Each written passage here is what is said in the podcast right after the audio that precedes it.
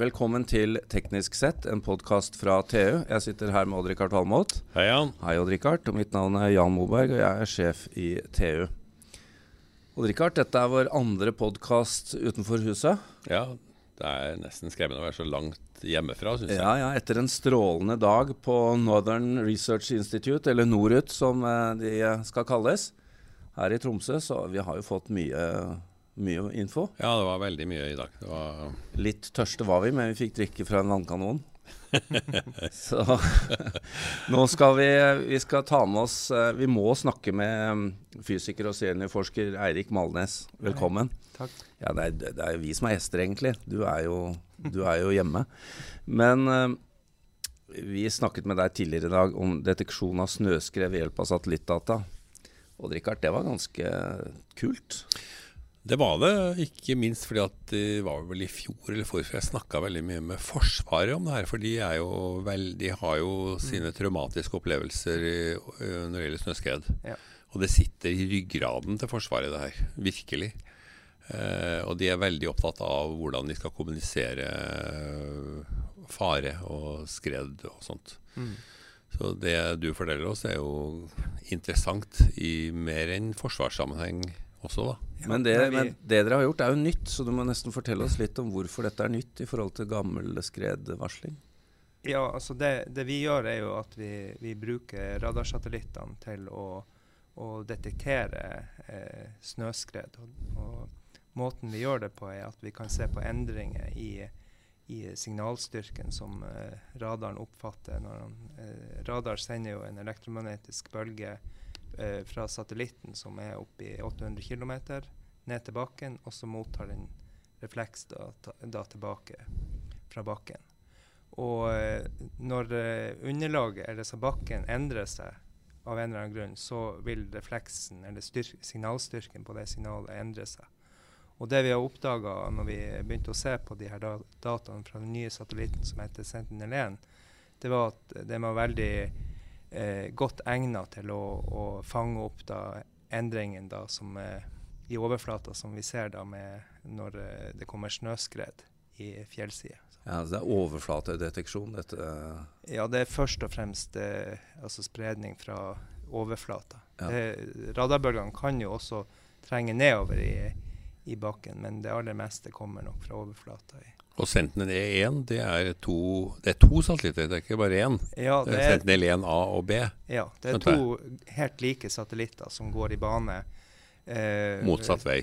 Nei, de går samme vei. Gjør de det? Ja, Ja, ok. eh, Men de er, ligger seks dager etter hverandre, sånn i, i, i, den, i baneplanet. Da. Ok. Så de, de repeterer seg den, eh, den ene satellitten, Sentinel A, han repeterer seg etter tolv dager. Men uh, siden 1B da ligger seks dager etter, så kan vi måle endringer som uh, har skjedd da, i løpet av seks dager. Seks dagers mellomrom, ja. Ja. Og jo lenger nord, jo høyere oppløsning. Uh, nei, oppløsninga er den samme. Ja, men tette, de Men- måler eh, tettere. Ja, vi kaller det for dekning. da, Ja. Dekningsgraden. Så det, det er flere eh, satellittpass som dekker samme område jo lenger nord du kommer. Mm.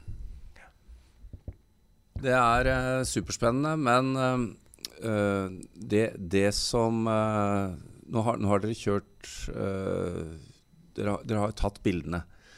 Og så skal dere jo finne ut når det er forskjell. Det er jo Mm. det som er greia etter seks dager, da. Ja. Dette skal jo gjøres av en algoritme, går jeg ut fra? Ja, vi har Foreløpig så bruker vi da signal, signalbehandlingsteknikker for å, å, å, å detektere og terskle ut den endringa som Ja, skjer. i og da vil dere avsløre når det har gått skred. Ja. Det som forundret meg, var jo hvor mange skred det er Ja. som går. Ja, Det man trodde var 800, var 12 000. Altså, altså, det, bare det, det har vært en slags manuell eh, telling hvor det har vært snakk om at det var 800 skred som gikk i et område. Mm. NVE har jo, når de starta med operasjonell skredvarsling i hele landet i, eh, for fem-seks år siden, tror jeg det var, så opprettet de noe som heter REGOP. Så alle som altså Tidligere så har jo Vegvesenet og de som har med skred å gjøre, de har registrert skred. Men, det har, Ja. men eh, nå de siste årene så har det kommet ganske mange flere. Pga. at skigåere og alle som har mobilapper, kan Akkurat. Legge inn. Ja. Eh, skreddeteksjon. og da, så, da tar de et bilde og legger inn posisjon osv. Eh, og det, det, som man fant ut her i Troms i, i fjor, når man telte opp fra Reggopp, så var det 800 skred ca. Ja. som var lagt inn. I, Men dere fant I et område som er så stort som ja, det, det er så stort som Tromsø kommune ca. Det er 250 km ganger jeg tror det er ca. 200 km Ja. i rektangel. Altså. Ja, Hvor mange det- fant dere? når Vi fant eh, litt over 12 000 Ja, det er jo helt ellevilt. Det er jo jo 100 mind-boggling. Altså, det er jo Ja, ja. det, det er en, en Du har gjort mye for Skred-Norge, du. Funnet Men da, da må vi jo legge til noe du var innom tidligere i dag, at Ja. en del av disse skredene går jo på steder hvor mennesker ikke ferdes. Ja, det, vi ser jo skred overalt. Eh, det gjør jo ikke vanligvis eh, eh, de eh, Altså my, mange av skredene går, går Eller relativt mange skred eh, som er, er rapportert tidligere, går jo langs veiene. og Der, eh, der Vegvesenet må gjøre opprydningsarbeid. Der eh, blir det rapportert systematisk. Mens, og en del skigåere. Men, men i, i områder langt unna og og også selvfølgelig skredfarlig terreng der, der folk ikke kan gå på ski, Ja. så, så blir det ikke rapportert. Så. Men nå er det jo sånn at uh, disse satellittdataene det er nå én kilde. I tillegg så har dere jo meteorologiske data inne i modellen. Ja, altså det er ikke vi som kjører modellen, det er jo NVE. Som, Ja. Men, men dem, eh, den, den skredvarslingstjenesten de har i dag, den jo, eh, blir jo hovedsakelig basert på meteorologiske altså værmeldinger. Da, eh, og så bruker de da visse parametere som er det mye vind, er det mye snø. Eh, så så eh, eh, bygger de da opp en, en, eh, et skredvarsel basert på det. Ja, Men meningen, eller, eller eh, målet med en del av det arbeidet som jo dere er involvert i her på Norut, er jo eh, etter noe, et par sesonger å komme fram til en litt mer eh, presis skredvarslingsmodell.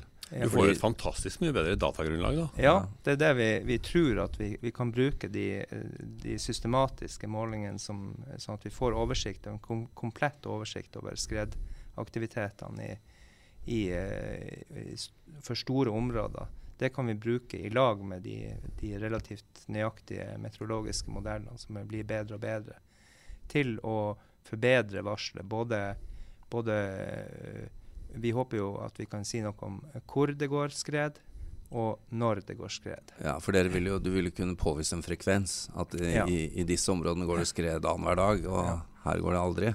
For det er jo allerede en prediksjonsmodell ute og går, men den, Ja den kan jo bli mye bedre. Ja. Så det, det er det vi Vi har eh, inne en søknad nå til et forskningsprosjekt som skal gå på det, der vi skal samarbeide med, med bl.a. NVE. For å, tanken er å kombinere de to datakildene da, til å forbedre skredvarslinga. Hva, eh, kan dette brukes som sommeren også, til eh, jordskred og sånt? Eh, nei, jo, eh, vi har testa meto den metoden vi bruker til snøskred, og den virker ikke så godt på jordskred. Det er forskjellige grunner til det. Da, eh, men det, den Reflektivitet av Ja. radarsignaler? Ja. ja. Men dere har brukt den på å dokumentere flom, har jeg skjønt? Flom eh, ser vi godt med eh, Ja. samme, samme deteksjonsprinsipp. Da, Ja, det, med, med klimaendringene som skjer i verden og stadig mer eh, ekstremt vær, så blir jo dette viktig. ja da, eh, flom er jo eh, er godt egnet til, til å overvåkes med satellitter. Så, og det, det har vi for så vidt jobba med i mange år her på Norut.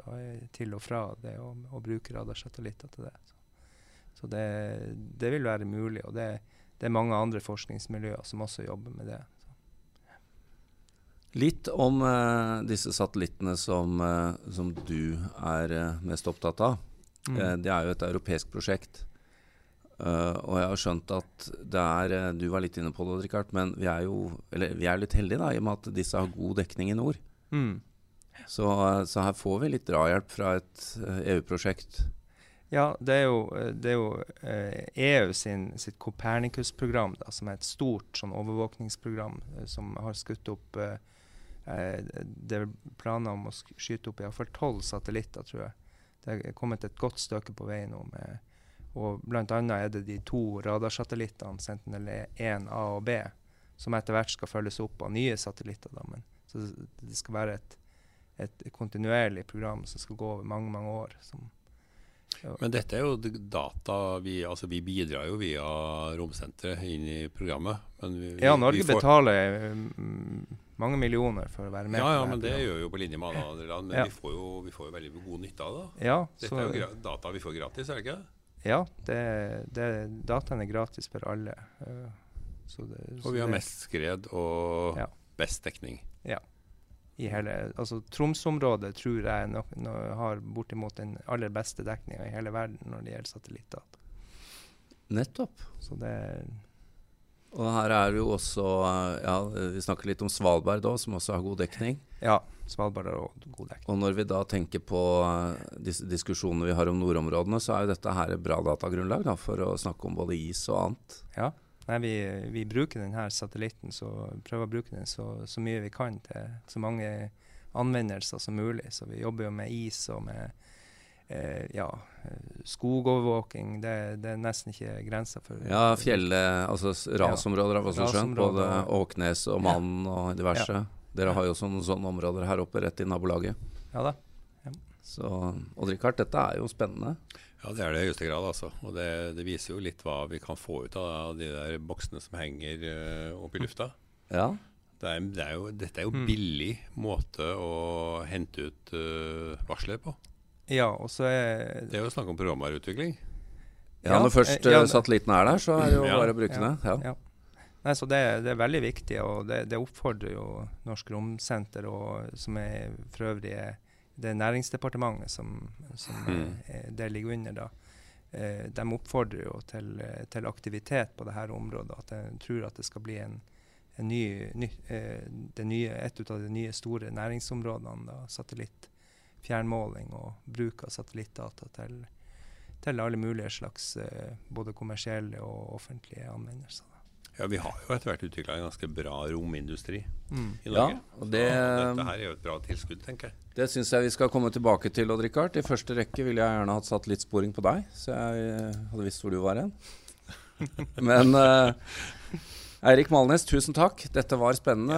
Ja, vi, vi, vi, må, jeg tror vi må komme tilbake til Tromsø, Odd-Rikard. Vi må nok det. Ja, takk.